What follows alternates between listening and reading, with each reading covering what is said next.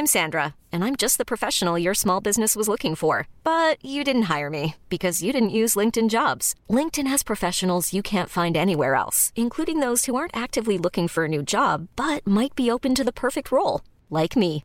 In a given month, over 70% of LinkedIn users don't visit other leading job sites. So if you're not looking on LinkedIn, you'll miss out on great candidates like Sandra. Start hiring professionals like a professional. Post your free job on linkedin.com/achieve today.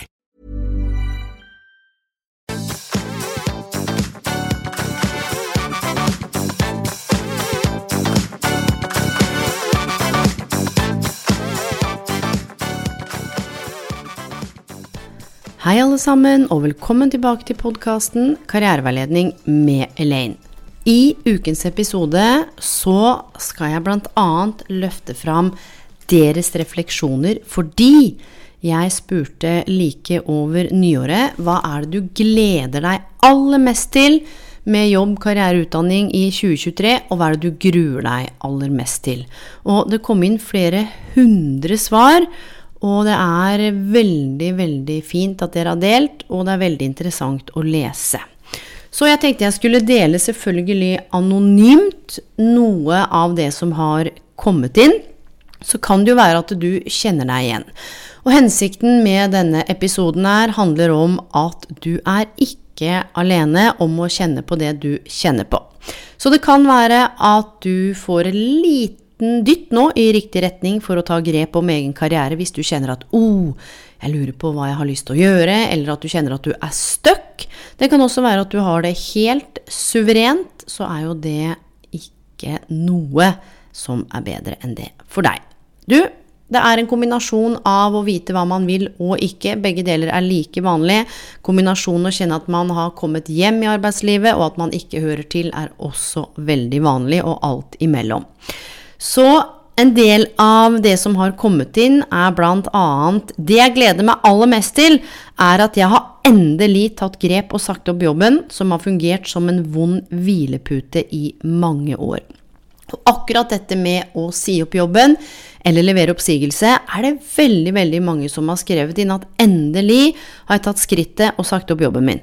Endelig har jeg gjort det jeg har tenkt på i fire år, jeg har levert en oppsigelse. Endelig har jeg levert oppsigelsen min. Og det er veldig mye av det. Og så en refleksjon i forlengelse av det handler om hva er det som gjør at når en går og tenker på å si opp, at det kanskje tar et halvt år, et år, et to år, tre år eller fire år. Kan det handle om at en trenger tid til å sortere og finne ut av hva er det det dreier seg om, for det er jo en veldig viktig kjerne. Det å ta en statussjekk, og dette her er et av tipsene eller hackene jeg vil at du skal ta med deg. Ta en statussjekk og spør deg selv liksom, hvem, hvem blir du i møte med arbeidsplassen din? Og hvem lar du arbeidsplassen din bli i møte med deg? Og dette handler om karrierehelsa di.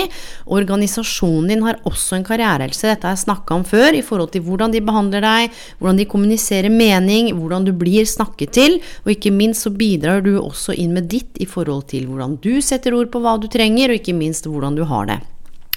Og det der er ikke alltid så lett, men dette er den statussjekken som jeg tenker er helt sentralt. Sett ord på hva du har f.eks. lært hittil Eh, hittil, eh, og kanskje gjort i jobben din, og se om du kan koble det på styrkene og kanskje verdien din og egenskapene som du har hatt nytte av. For det er noe med å ha fokus på hva som er riktig og viktig for deg, og ikke minst hva det du tenker kan være riktig og viktig for deg inn i fremtiden.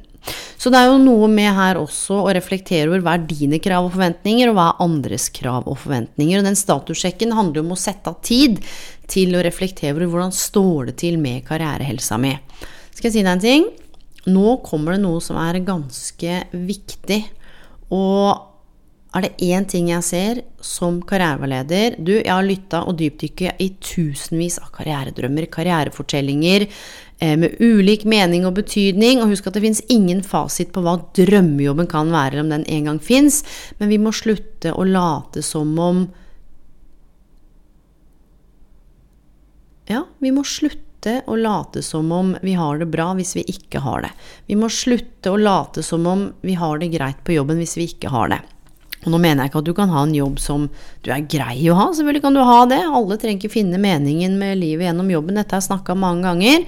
Men det er når du begynner å kjenne at oi, jeg har det ikke helt godt, og du begynner å gå på akkord. Og dette har jeg også snakket om tidligere. Forskjellen på selvbedrag, det er når du hele tiden ta valg som ikke er riktig viktig for deg, som gjør at du mister selvrespekten for deg selv, det påvirker selvfølelsen, selvtilliten din.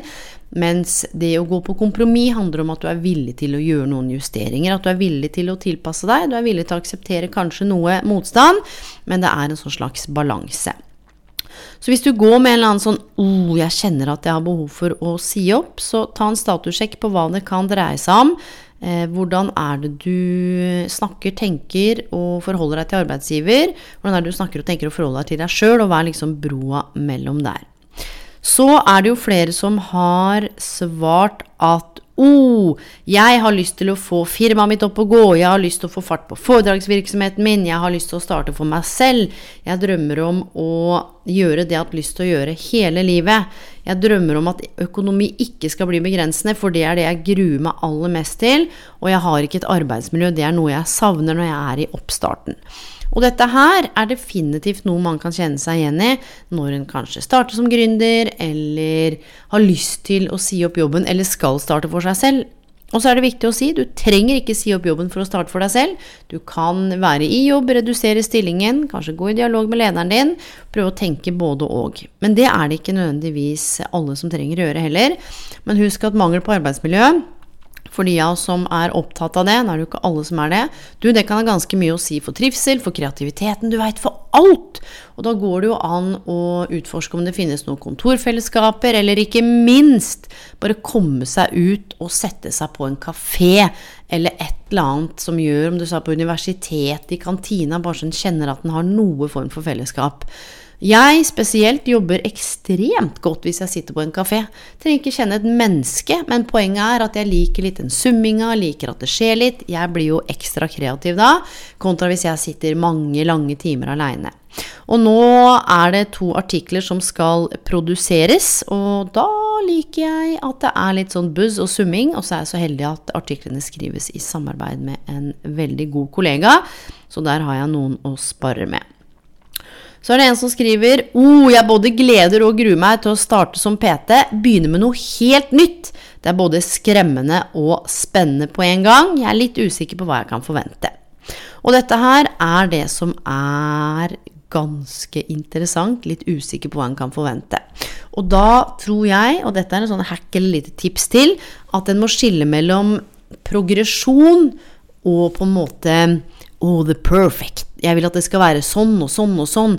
Hvis man kobler på da dette skiftet, dette karrierebyttet, som en læringsprosess. Vi pendler jo hele tiden mellom endring og stabilitet og det planlagte og det uplanlagte. Og ved å jobbe med egen karriereplanlegging, ved å gjøre dette byttet og starte på noe nytt, så står en jo også stødigere i det mellomrommet når det har vært et bevisst valg, fordi nå dukker det opp forandringsprosesser. Det kan jo både utfordre jobbidentiteten vår, ikke minst eh, tanker om fremtiden og hva som er meningsfullt. Særlig hvis ikke det blir helt sånn som vi så for oss. Og ingen kan jo planlegge helt for fremtiden. Så det å sette seg små delmål på veien, det kan jo være en kjempemotivasjon. Og passe på at en kobler det på læring og utvikling, mer enn at en tenker at en må ha kontroll, at alt må gå som planlagt. Da kan du tilegne deg skikkelig viktige kompetanser som du kan bruke for å bygge bro mellom der du er nå, og dit du er på vei. Så det er det dobbeltblikket da, når en gjør et bytte eller skal starte med noe, mellom hva gjør at jeg har det godt å finne mening nå, og hvordan kan jeg skape det frem i tid? Ja, du, og så har jeg lyst til å si en ting til. Hvem er det, og dette er en en sånn hack til en sånn liten nudge til deg som er stuck eller har lyst på litt sånn refleksjoner omkring karrierevalgene dine. Hvem er det som ofte har påvirka valgene dine, eller hvem er det du lar påvirke valgene dine? Det kan jo være at du spør noen, at du bruker nettsider, at det er noen du beundrer eller følger på LinkedIn. Men begynn å reflektere over hvordan du velger. Er det valgstrategi at du alltid går for det du har lyst til? Går du for det du tenker er lurt og strategisk, sånn som at du må ta en master, mens egentlig så har du mest lyst til å jobbe til bacheloren? Eller du um, har valgt deg en jobb fordi det gjør økonomisk trygghet, men aller mest har du lyst til å gjøre noe kreativt. Bærekraftig karrierevalg handler om å velge det som er viktig for deg i den situasjonen du befinner deg i nå, så langt det er mulig. Fordi jeg veit at det er ikke bare å hive seg ut i noe av økonomiske årsaker eller familiære årsaker, eller det kan være mentale eller fysiske årsaker eller hindringer for øyeblikket som gjør at man ikke kan bare leve ut det livet man vil. Men det å bli kjent med ulike måter du velger på, om du er en som lener deg på tidligere erfaring, om du er en som projiserer hvordan det blir inn i fremtiden, om du er en som trenger alle detaljer, eller om du bare ja, trenger det hele bildet, og ikke minst hvem er det du deler med. Dette er skikkelig viktig. Og du, hvis du ikke helt veit hva du vil, så kjenn etter hva som inspirerer deg, og reflekter over hvordan du begrenser deg sjøl, for oftest er frykt Frykten for at vi ikke får det til, frykten for at det går galt, frykten for at vi velger feil, frykten for at vi ikke havner på rett plass, det er det som er med på å begrense oss, som gjør at vi blir stående stille. Og Jim Carrey, dette sa jeg for et par episoder siden, han sier jo det at du kan jo allikevel fail at something you don't love, so why not try something you do love? Og så kanskje du bommer da på det at du starter opp som PT i en periode fordi du vet jo ikke alt med det yrket fordi du har ikke vært i det før, eller fordi du har ikke jobbet med regnskap, eller fordi du har ikke vært bussjåfør, eller jobbet med å vaske, eller jobbet som direktør. Men tenk deg å snuble i noe du i hvert fall liker å snuble i, da. Mer enn noe du egentlig ikke trives med. Så Neste, Alexander Aalerud, my partner in crime fra FPT. Vi har jo utvikla Holt, altså implementert og integrert eh, mentaltreningsstudie i AFPT. Han skriver 'Å skape noe legendarisk med deg'. Du, ditto Alex, det skal vi gjøre. Så hva er det du gleder deg mest til? Det er mange av dere som har svart å gi av meg sjøl, våge å by litt mer på meg selv og kunne juble av glede når teamet går i samme retning. Det er mange ledere som har skrevet at de gleder seg til å utvikle teamet, utvikle seg sammen med teamet. Og da tenker jeg jeg har lyst til å si noen ting som jeg har reflektert mye over, som jeg også har tatt opp tidligere. Dette med behov for å høre til kontra behovet for å være den du er. Og det jeg har sett, jeg har jobba mye med eh, lederutvikling, teamutvikling, vært inn i masse organisasjoner trenger ikke dele alt og fortelle alt med alle, men poenget er at hvis du kan være litt mer autentisk, faktisk sette ord på hvordan du har det, faktisk tåle å sette grenser uten at du er redd for at andre ikke skal like deg, eller at det skal skje noe rart i arbeidsmiljøet fordi du sier ifra, så blir det også bedre og lettere å være på jobben. For det er jo noe med det at valg av arbeid og utdanning innvirker jo på flere områder i livet. Du, det har sjukt stor betydning for nære relasjoner, psykisk helse, fysisk helse, personlig utvikling, økonomi. Altså det å innta en aktiv rolle i din karriereutvikling, da kan det være lettere å ta karrierevalg som er viktige og meningsfulle for deg. Og så er det litt sånn Ja, Elaine, det er lett for deg å si. Du, skal jeg fortelle dere en ting?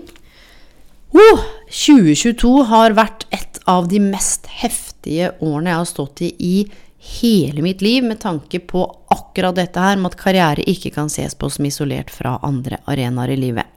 Så når jeg deler ting med dere, kommer med refleksjoner, kommer med sånne små nuggets som jeg håper kan bidra til å kanskje løsne noe for deg, bevege deg i en retning, Eh, gjør at du kanskje stopper opp og tenker litt, eller kanskje du jobber med noen så du kan ta med deg én tanke, så er jo det fordi at jeg har jo kjent på livet sjøl. Jeg sitter ikke her og drar ut ting fra en eller annen bok og tenker 'oi, ja, dette her var smart', eh, dette må jeg dele videre, og så skal jeg late som om eh, jeg er den kloke. Altså, du, jeg har kjent på ting, jeg. 2022 for meg var helt vanvittig krevende, og i den grad en kan si at en er glad at et år er over, så er jeg virkelig det. Det har skjedd store endringer eh, for meg som gjør at jeg har måttet eh, virkelig sette av tid til å digge deep, kjenne etter, tåle å ikke ha det godt, tåle å sette grenser, tåle å si at vet du hva, nei, dette her eh, får jeg ikke til, eller nei, det oppdraget der eh, passer ikke at jeg tar, um, uten å nødvendigvis forklare noe særlig. Så derfor har det også tatt litt tid med å få ut en ny podkast. For jeg har kjent at jeg har trengt tid. Tatt en ukes ferie på nyåret og litt sånn ro til å mobilisere og reflektere over i enda større grad hva er det som virkelig er viktig for meg nå. Og det er nettopp denne statussjekken, fordi vi snakker om karriere, ja, men det kan ikke ses på som isolert fra andre arenaer i livet. Så reflektere over hvordan personlig utvikling, kanskje religion, spiritualitet, konflikter økonomi, helse, hvordan det påvirker hvordan du ser på og står i din egen karriere og arbeidslivet. Og du, alle har en karrierehelse, også du som ikke er i jobb om dagen. Det er så viktig, det, fordi veldig ofte så hører vi at oh, det er god helse å være i jobb, men du, det er ikke det for alle, og det er sagt før. For noen så ja, vi trenger tilhørighet å være en del av noe, men alle skal ikke jobbe 100% Det er ikke sikkert alle skal jobbe heller. Um, bare så det er sagt, og det mener jeg. Det er selvfølgelig veldig kontekstavhengig. Så hva er det jeg gleder meg aller mest til? Det er å finne meg en ny jobb. Hurra! Og det er det flere som har skrevet, og det er også der folk har skrevet inn Hva er det du gruer deg mest til? Å finne meg en ny jobb. Oh my god, jeg gruer meg. Så det er veldig mye som går igjen. Og så går det også igjen oh, å endelig ta steget ut i en ny og ukjent hverdag i en helt annen bransje. Dette her kommer til å bli interessant. Og det er det mange av dere også som har gjort, som har tatt grep som skal inn i noe nytt og ukjent. Og der igjen er det noe med, og her kommer en liten sånn nudge, liten sånn nugget her, vær bevisst selvsnakket ditt. Og dette har jeg snakket om før, med positiv tenkning og bare vær positiv, du. Vær konstruktiv isteden. Den indre dialogen din, hvordan du behandler deg sjøl og snakker til deg sjøl om hvem du er, hva du kan og hva du vil når det kommer til karrieren din og hva du skal få til å prestere, hvor raskt du skal komme i gang, har også sammenheng med hvordan du oppfatter deg selv. Så vær mild med deg selv, vær compassionate med deg selv. Vær bevisst på at nå skal du utvikle en ny jobbidentitet som kan skape nye muligheter, og du skal jo ikke kunne alt. Det er jo derfor det er noe som er nytt. Men du kan tenke også hva det du har med deg av eh, kunnskap og erfaring, hva er det som er overføringsverdi, og nettopp igjen dette med å være åpen for læring. Så er det noen som har skrevet at mamma skal begynne å trene med meg, at jeg får øve på å være PT. Oh, og så er det flere som har skrevet inn. Jeg er i vikariater, jeg har midlertidige stillinger, jeg er livredd for å bli arbeidsledig. Det er ingen relevante jobber ute. Og da tenker jeg Det jeg har lyst til å si der, at jeg hører hva du sier, og er enorm respekt for det. Og kanskje noe av det viktigste da, hvis du opplever, eller mange av dere, at det er null relevante jobber, så ville jeg nok eh, fått satt ord på, kartlagt og sortert kompetansen din. Kompetansekartlegging kan jo hjelpe deg til å sette ord på hva du faktisk kan og vil. Eh, kanskje du har enda mer bredde i det du kan og gjør enn det du tror. Enda dyktigere. Og det fins jo både faglig, personlig, akademisk jobbkompetanse, livserfaring og ikke minst arbeidserfaringen. Kanskje du jobbet frivillig, kanskje det går an å sortere og bruke innsikten din i interesser, verdier, styrke, ferdigheter ulike kompetanser som du kanskje ikke veit om engang. Og så er det jo noe med når vi kartlegger og sorterer kompetansen vår, og det er litt denne nuggeten her òg, den lille sånn nugget of wisdom. Like viktig er å kunne formidle kompetansen din gjennom å skape jobbidentiteten din. ikke sant? Hvordan er det du skriver CV og søknad? Hvordan er det du snakker om deg sjøl i et jobbintervju? Så det å utforske kompetansen din sammen med noen, gjøre deg kjent med arbeidsmarkedet, så kan det være, jeg sier ikke at det gjør det, at det kan dukke opp flere relevante stillinger. Og husk, det er gratis karriereveiledning på alle de fylkesvise karrieresentrene for deg som er over 19 år. Ikke glem det. Ikke sitt aleine og kjenn på at ikke det er relevante jobber, fordi det gjør meg skikkelig vondt.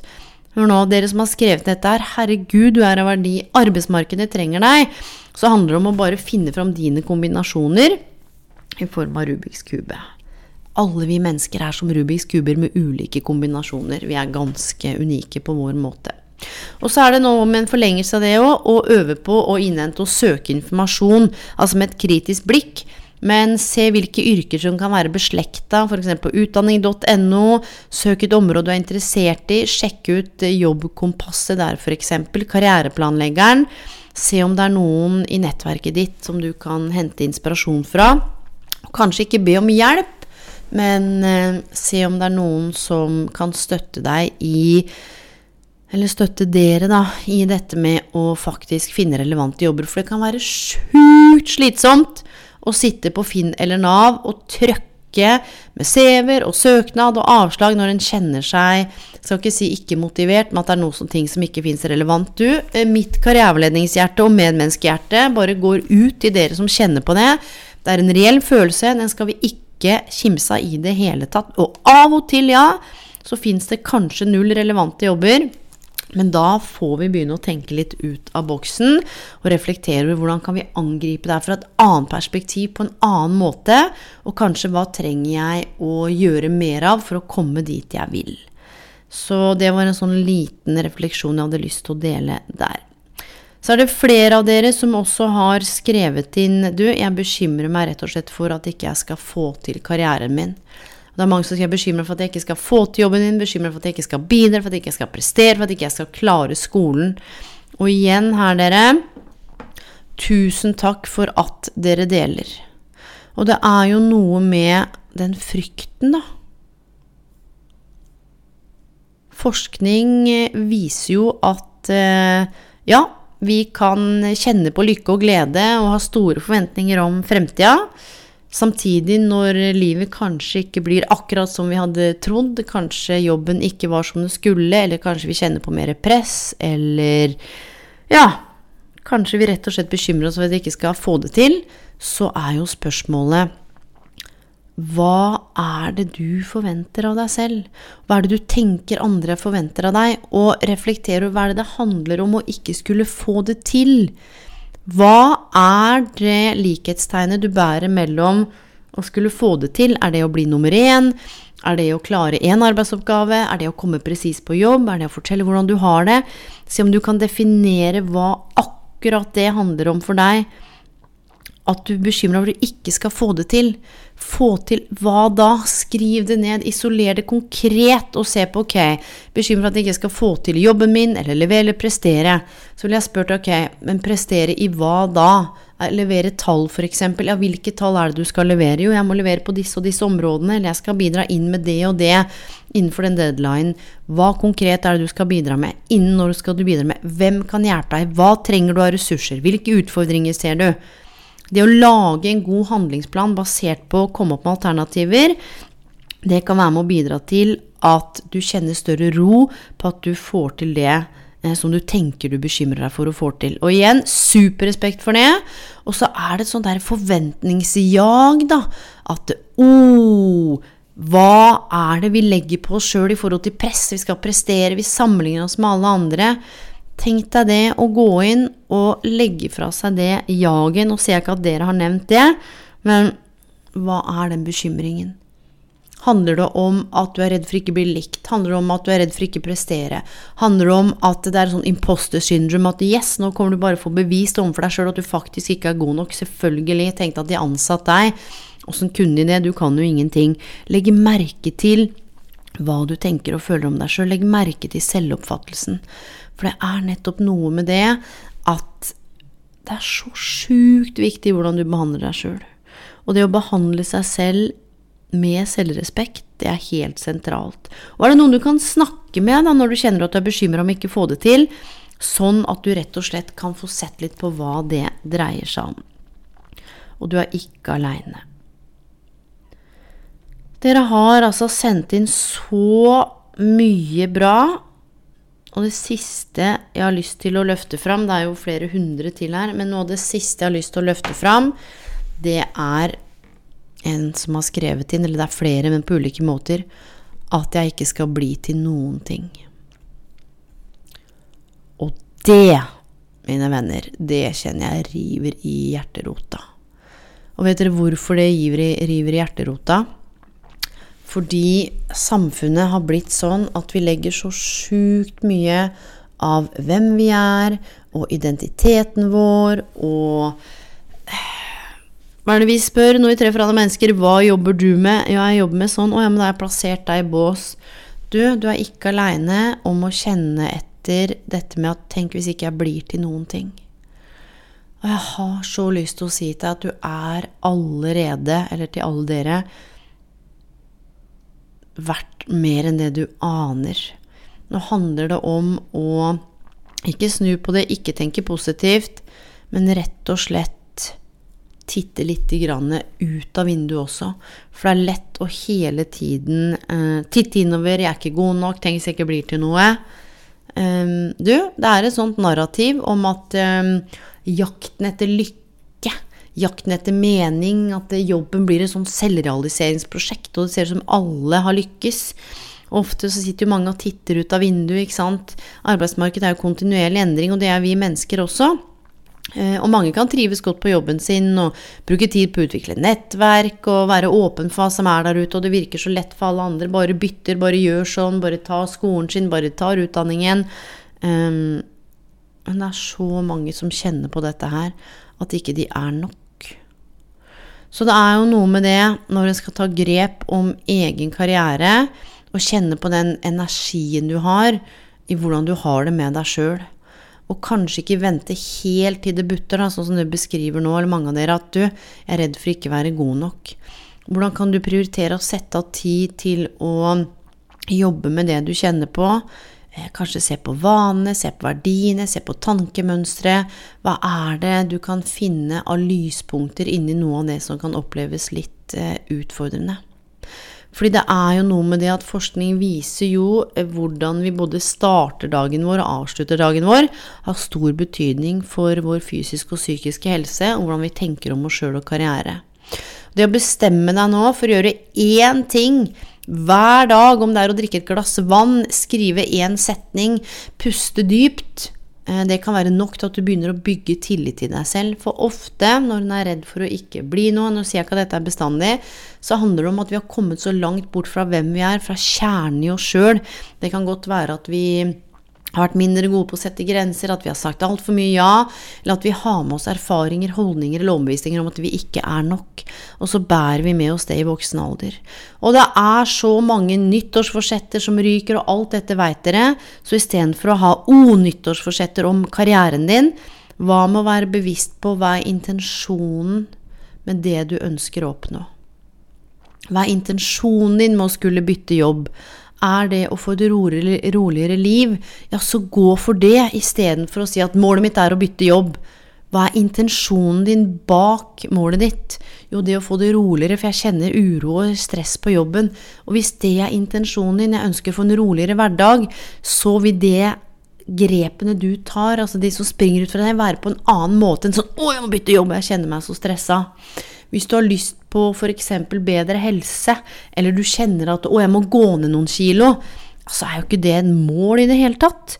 Det handler jo bare om at du sender signaler til deg sjøl om at ikke du er god nok, så du må gå ned. Bare du går ned noen kilo, ja, da blir du av verdi. Da er du nok. Hva er intensjonen din med å skulle trene? Er det å få bedre helse? Er det å kunne ha mer overskudd og energi til barna dine? Er det å kunne hvile bedre, sånn at du kjenner at du kan ta bedre valg? Vær bevisst på intensjonen din. Det er mye viktigere enn å drøsse på med mål. Hva er intensjonen din? Og ikke minst har jeg lyst til å si til dere som tenker at åh, jeg er redd for ikke bli noe, jeg er ikke nok.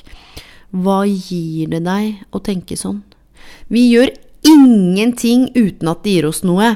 Så det at du bærer med deg eh, den tanken, de tankene eller de, den følelsen, hva gir det deg?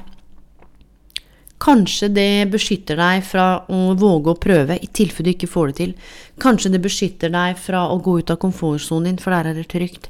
Kanskje det beskytter deg fra å faktisk vise hvem du er, og la verden se hvem du egentlig er. Reflektere over det. Hva er det det beskytter deg mot? Fordi vi gjør ingenting, vi tenker ingenting, føler ingenting uten at det gir oss noe. Så implementer en mikrovane inn i dagen din hver eneste dag, om det er å hoppe opp og ned én gang, eller se deg i speil og finne én ting som du kjenner er bra med deg sjøl. Gjør det en hel måned, og bare legge merke til også hvordan den indre dialogen din sakte, men sikkert kan begynne å forandre seg, som igjen kan påvirke dette med å være nok. Og sett grenser. Det er ikke meninga at du skal være tilgjengelig på jobb, eller hvis du står utenfor arbeidslivet, søke jobb 24-7, med mindre det er et eller annet som gjør at det, altså det er noe som krever det akkurat nå, eller det er avtalt. Det er lov til å takke nei til ekstra arbeidsoppgaver, kjenne etter hvilke grenser du har behov for å sette, og øv deg på å kommunisere at dette er dine behov. Um, og her modellerer du også at du tar deg sjøl på alvor du er opptatt av selvrespekt, og da er det lettere at andre også kan sette grenser for seg sjøl. Og når det er sagt, så er det noen få sånne nuggets til, og det handler om igjen at ingen kan forutsi fremtiden. Um, og vi kan jo da utruste, utruste, oss med et par mestringsstrategier da, for å håndtere det uplanlagte. Kanskje vi mister jobben, kanskje vi bytter jobb, kanskje det ikke blei som vi trodde. Lek litt med det visuelle og ulike mentale scenarioer for hva som kan oppstå i år på karrierefronten. Ligger det et jobbbytte i kortene, ligger det permisjon, en videreutdanning? Det er faktisk mulig å bruke mental trening for å trene på hvordan du kan forberede deg eller forholde deg til overgangene som kanskje kommer. Og legge mer vekt på å gå fra kaos til kanskje ro, undring og læring og utvikling da, i møte med det uforutsette og planlagte, eller eventuelt et planlagt bytte. Og så er det noe, mine venner, nå står vi inne i et nytt år. Skap mening der du er med det du har. Lag en liste over det som er viktig for deg, og det du bryr deg aller mest om. Skriv ned det du gjør i løpet av en dag eller en uke, og sammenlign listene. Da kan du se om du gjør mye av de tingene du ikke liker. Er du rundt folk som får deg til å føle deg mindre? Er det sykt lang reisevei til jobb som gjør at du blir helt utmatta? Ta en liten titt på hva som er hva. Begynn å kartlegge og sortere. Da kan du nemlig ta nødvendig grep, sånn at du kanskje kan få mer arbeidsglede, kjenne på mer mestring og motivasjon. Så vær nysgjerrig på tanken bak kanskje de ulike arbeidsoppgavene du har, de ulike rollene du har, og ikke minst hvordan kan du bidra, og se om den jobben du gjør kan på en måte bli sett i en større sammenheng. Og du får inn lidenskapen din i jobben også. Hvis du elsker bærekraft, spør om du kan begynne å jobbe med det, eller hvis du liker å skrive, kanskje du kan opprette en blogg. Du, hvis du elsker å bake, ja, så ta med deg en kake på fredager og start en bake-off, da. Kanskje du elsker quiz ja, da kan du gjøre det til noe sosialt. Og så, dere, noe av det aller siste jeg har lyst til å avslutte med, det er hva vil folk si om meg? Og dette her har jeg kjent på i hele 2022. Eh, og nå har jeg sagt flere ganger at det har vært et utfordrende år, og det handler også om at det året har eh, båret med seg et samlivsbrudd. Og det er ganske krevende, ganske tøft, ganske utfordrende. Eh, på flere plan. Og så er det noe med all sorgen både over det som har vært, og det som eh, kunne komme. Og alle har jo en eller annen mening om hva som er lurt og ikke lurt, og hvordan man skal gjøre, hva man skal føle, hva man skal tenke, eh, hvordan man skal snakke om det, hvordan man skal forholde seg. Alle mener noe. Og det jeg har lyst til å si, da, og der hvor jeg er ganske god, det er nettopp det hva vil folk si om meg. Du, Fokuset handler om hva er det som er riktig og viktig for meg og mine nærmeste. Hvordan kan vi ha det godt i vår hverdag? Og mindre fokus på hva alle andre mener og tenker. For fy fader, hvis vi som sto i det her, skulle fulgt alle andres tanker og meninger, da veit jeg ikke helt. Og samme er det med karriere òg. Eh, alle skal mene noe om hva du skal velge, alle skal tenke noe om hva du skal velge. Mediene skal bestemme om du, at du må ha en master, og disse er de topp fem jobbene, da får du jobb. Hvis du tar disse grepene, så blir det ikke trygt. Du, du skal aldri forklare eller forsvare karrierevalgene dine. Du kjenner deg sjøl best og veit innerst inne hva som er riktig og viktig for deg. På lik linje som på andre arenaer i livet òg, så veit du hva som er riktig og viktig for deg. Og endringer, folkens, fy f! Det koster noe helt enormt. Men det er ikke endringene i seg sjøl som er utfordrende. Det er overgangene. Det er hva det gjør med deg som menneske emosjonelt, fysisk, psykologisk. Og det å tåle å stå i det, og stole på at en kan ta én dag av gangen. Og dette her har jeg lyst til å koble direkte på karriere og det derre jakten på karriere, den perfekte karrieren, neste jobben, eh, oh, den nyeste mobiltelefonen, neste kjæresten, neste ferieturen, oh, neste blogginnlegget, neste liken, alt det der som ligger alt der fremme. Tenk deg hvordan det var før i tida. Da gikk man stort sett Eh, og gjorde jobben sin. Så kom man hjem. Eh, da var det jo litt andre arbeidsforhold, da. Og da visste man jo kanskje ikke om oh, hva som fantes i alle andre land, og det var ikke så lett å se for seg alle valgene. var sånn, du, jeg er bonde, så da forholder jeg meg til det på denne gården. Det betyr ikke at den kanskje hadde lyst til å gjøre andre ting, men den visste liksom litt sånn sin plass, da. Mens nå Rett mann, kvinne eller hen, han, hun på rett plass. Oh lord, alle kan jo bli hva de vil. Hvis du velger én ting, så velger du bort noe annet. Altså FOMO, vi jakter sånne lykketopper. Å, bare jeg får det, da blir jeg lykkelig. Når jeg får den nye iPhone eller får den nye drømmejobben, da, eller jeg pusser opp og kjøper den nye sofaen, da, vet du, da blir livet bra. Men vent litt, kanskje det er noe bedre rundt neste sving. Du, det handler om å være litt grann kritisk til hva vi leser, hva vi hører, hva vi ser. Du kan til og med være kritisk til det jeg sier. Tenk deg det, ja. Med internettet nå så er det et helt vanvittig forventningssamfunn, og mer enn noen gang så er vi opptatt av å bli likt, likt, likt, likt. Du, av og til så er det greit å la noen muligheter eh, glippe, fordi det kommer alltid til å dykke opp nye muligheter. Det det handler om her, er å gå fra kaos til ro, ta vare på karrierehelsa di, reflektere over hvem blir du i møte med arbeidslivet, hvem lar du arbeidslivet bli i møte med deg, hvordan kjenner du på det å stå utenfor, hva er det som gjør at du kjenner på det, er det dine tanker og følelser, eller er det samfunnet eller alle andres? Hva er det som gjør at du har det godt i jobben din? Hva er det som gjør at du har lyst til å bytte? Sett av tid til å reflektere og kjenne over hva som er riktig og viktig for deg. Og en liten sånn smakebit på FEMS, altså karrierehelsemodellen, som tar for seg det fysiske, det emosjonelle, det mentale og det spirituelle. Det er i hvilken grad er jobben min i tråd med verdiene mine på en skala fra 1 til 10? I hvilken grad opplever jeg håp og fremtidstro i jobben min fra en skala fra 1 til 10? I hvilken grad kan jeg sette grenser? Tør jeg, våger jeg å sette grenser på en skala fra 1 til 10? I hvilken grad kan jeg være den jeg er i møte med arbeidsplassen, arbeidslivet, kollegaene på en skala fra 1 til 10? I hvilken grad er det jeg hviler, og hvordan hviler jeg på en skala fra 1 til 10? Og den karrierehelsemodellen har masse ulike spennende dimensjoner som gjør at du virkelig kan se Oi, fordi jeg scorer ti på mening, og liksom jobben min er alt, og jeg jakter hele tiden prestasjon og endorfin og dopaminkick, og jeg har lagt Å, oh, verdiene mine er i tråd med det. Å, oh, jeg, frem, oh, jeg skal få fremmelse, jeg skal klatre karrierestigen. Så har du kanskje to på hvile, så sliter du med å hvile. Og det betyr at du blir sliten, kanskje du spiser dårligere, apropos det fysiske, får beveget deg mindre, kanskje du får en kjipere selvsnakk enn det du skulle ha hatt. Så alle disse dimensjonene i karrieremodellen, det er 16 dimensjoner, altså underkategorier, de påvirker hverandre. Så det å virkelig få kartlagt og sett hvor er det det trykker, det kan være spennende. Og ikke minst, husk at organisasjonen din også har en karrierehelse.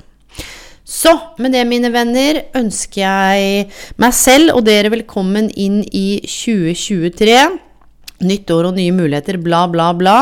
Du, um, nye refleksjoner, nye intensjoner og mer ro. Og um, du, livet blir ikke alltid som vi trodde at det skulle bli. Og så er det noe med at jeg blir 40 år, dvs. Si at da har jeg levd i 2000 uker. Så um, hm, tenk deg hva jeg har brukt, eller hva du har brukt dine uker på hittil, og ikke minst hva du har lyst til å bruke de neste ukene av livet ditt eh, på. Men det, mine venner, tusen takk for at dere hører, deler, tagge folk som hører på episoden. Gjerne gå inn på Apple og enten Jeg vet ikke om det er gi en kommentar eller stjerner. Jeg tror jeg har spurt om det en gang før. Dette er kanskje andre gangen. Jeg er ikke så opptatt av og god på sånn å, del og like og bla, bla, bla. Men jeg tenker at noe av dette kan være viktig. Kanskje er én ting som gjør at noen kan få det litt bedre med seg sjøl, sine kollegaer og sin arbeidshverdag. Og med det på gjenhør! Hey,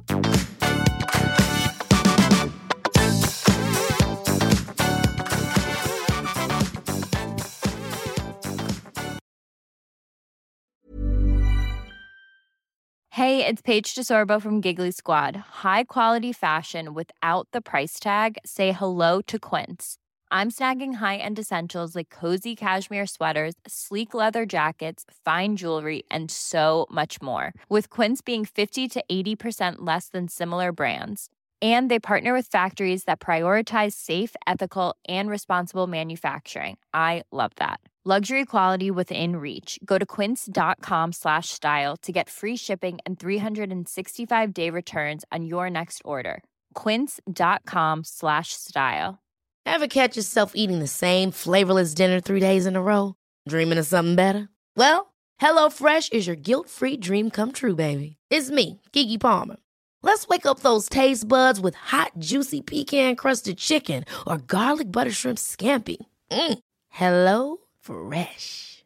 Stop dreaming of all the delicious possibilities and dig in at HelloFresh.com. Let's get this dinner party started.